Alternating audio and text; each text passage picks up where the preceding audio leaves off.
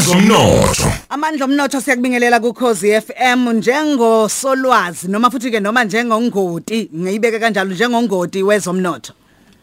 Eh Mroza ngiyabingelela kwithimba lasekuseni nabalaleli bokhozi. Siyayiphetha inyanga yabantu besifazana angikwazi noma ujabulile noma uthi uhamba kanjani. Hawu siyabonga kakhulu. Abantu besifazane babaluleke kakhulu Mroza empilweni zethu.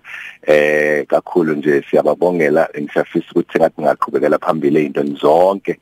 Abayifisayo. Ukhulume kakhulu ngabantu besifazane njalo kulenyanga uthinta kakhulukazi entrepreneurship ukusho ukubaleka kokuziqalela amabhizinisi usho ukuthi azingcola izandla eh ngoba umnotho ngempela usenhlabathini nasemqondweni. Ziningi izinto oyishilo eh kodwa kuyabonakala futhi ukuthi hayi engasithithi ke kuna ku- kusanenkinga esibhekene nawo njengezwe eningizimu Afrika uma kukhulunywa ngawo umnotho. Sithe Mroza ke sicoxe nje le namhlanje eh siyazi ukuthi em i-entrepreneurship noma ukwazi ukuqala amabhizinisi asikubeka kanjalo. Eh siye sicoxe kakhulu ngenyanga kaNovember ekuyiyona eyaziwa emhlabeni wonke jikelele ngokuthi i-entrepreneurship month.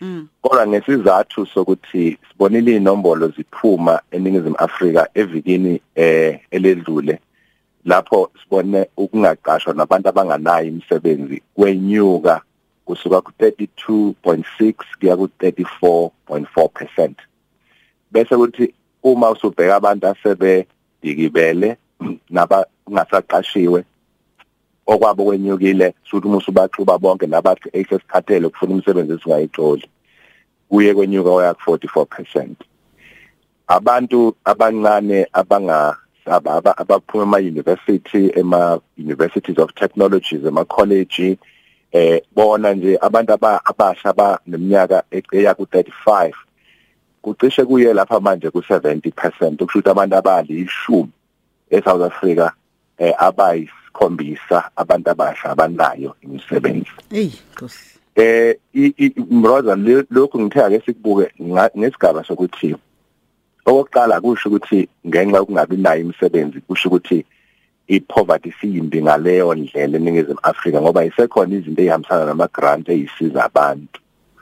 Kodwa into embi neyichilo kakhulu ukuthi udaba lolu ngicabanga ukuthi ngempela ngempela uma kuthi siyizwe siqaphele ukuthi sizokhula kanjani futhi siyalifuna uzinze ezweni. Uzwile umnumzana ubhekicele ungqongqoshe ekhuluma ngestats ememezela ukuthi kwenzakalani eningizimu Afrika. Kimo kuyi state of the nation ngempela uma ubheka ukuthi izwe linjani elukhona nozinzo crime ingakanani uzwile lapho inombolo nobubi nje bezinto ezenzakalayo konke lokhu kusinikezani Mroza kusinikeza isithombe sokuthi iningizimu Afrika ayizuba nalo uzinzo kusuka manje kuya phambili uma sihluleka ukulungisa lento yokungabi namsebenzi kwabantu baseningizimu Afrika. Ukwenzela nje isibonelo ngiyazi izwe laseAmerica izwe likhulukazi ongeke uqhathanise nathi ngoba sibancane. Kodwa abantu bakhona bacishe babe u350 million eh i-unemployment ukungabikho kwaba kwemisebenzi ku3.7% kuphela. Asibheke lapha eGhana ke eduze mhlambe ngoba abanye bangathi compare izinto ezingahambisani. Lapha eGhana nje eh aqashwe abantu bawu 45 million kodwa ukungaqashwa kwabantu ku 4.8% yini inkinga lapha eNingizimu Afrika? Sihlulwa yini ukwakha amathuba emisebenzi ilokho engifuna sikhulume namhlanje ngoba siqale vele siyakhuluma. Mm mm mm, mm. Njengoba usakhuluma nga- ngayo indaba yamathuba emsebenzi lokho usakugcizelela ukuthi lokho kusalokhu kusibeke eh siyizwe eliphezulu ngokuthi asinawo amathuba emisebenzi noma umnotho wethu eh u- umubi ngalendlela leyo. Mhlawumbe lokho kusalokhu kusibeke futhi eh phezulu ekuthenini amehlo ethu alokho ethe njo ukuthi ngempela kazi kuzokwenzakalani. Eh u- u- niye nithi manikhuluma ngeke ngezwe eh, nabanye bekhuluma kwaukuthi eh ngibuye ngishawe ngingazi ukuthi phela nje senikhuluma nithini nina njengawo ngoti bezomnotho. Uma yini rebasing? Uma nikhuluma ngo rebasing nisenikhuluma ngani? Eh lapha again ngevikini elidlule ke kwakhulunywa ukuthi iningizimu Afrika njalo kusho ukuthi njalo eminyakeni ethile mroza yithi mhlawumbe eminyakeni eyishumi. Kuba khona eh uku- ukubukezwa kabusha komnotho kubheka ukuthi ubukhulu bawo umqukuthi wawo ungakanani. Eh kushuthi nje umnotho owakhiwa nokubhovuzwa abantu bonke baseningizimu Afrika. Uzokhumbula ukuthi ke kudala mhlambe eminyakeni eyishumi edlule iSouth Africa beyi number number 1 eAfrika yonke jikelele ngokukhulu komnotho kwase kwenziwa le rebasing ukubukeza kwabusha komnotho kwase Nigeria kwase kuyabonakala ukuthi hayibo iNigeria siyinkulu kakhulu ngokomnotho. Namanje futhi senkulu kakhulu futhi sazoba nkulu kakhulu. Angeke siphinde siyibambe ngoba iNigeria vele inabantu abaningi cishe 200 million wabantu abaseNigeria thina sina 59 million.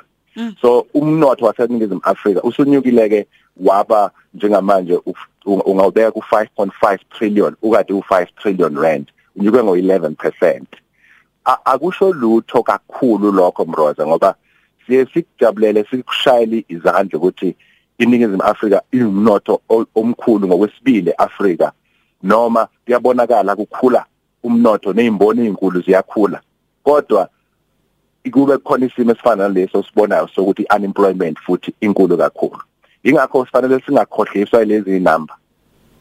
Sibuyele phansi ekuthenini ikuphi esingakwenza. Ingakho sithe asigcizelele lento namhlanje ye-entrepreneurship ngoba kunesigaba sikahulumeni uhulumeni afanele angenelele kuso asize bakwethu. Laba bantu abasuke besebenza kuhulumeni nabasebenzeli ama izinto ezithile kahulumeni ezisiza ukufana nabantu abama entrepreneurs.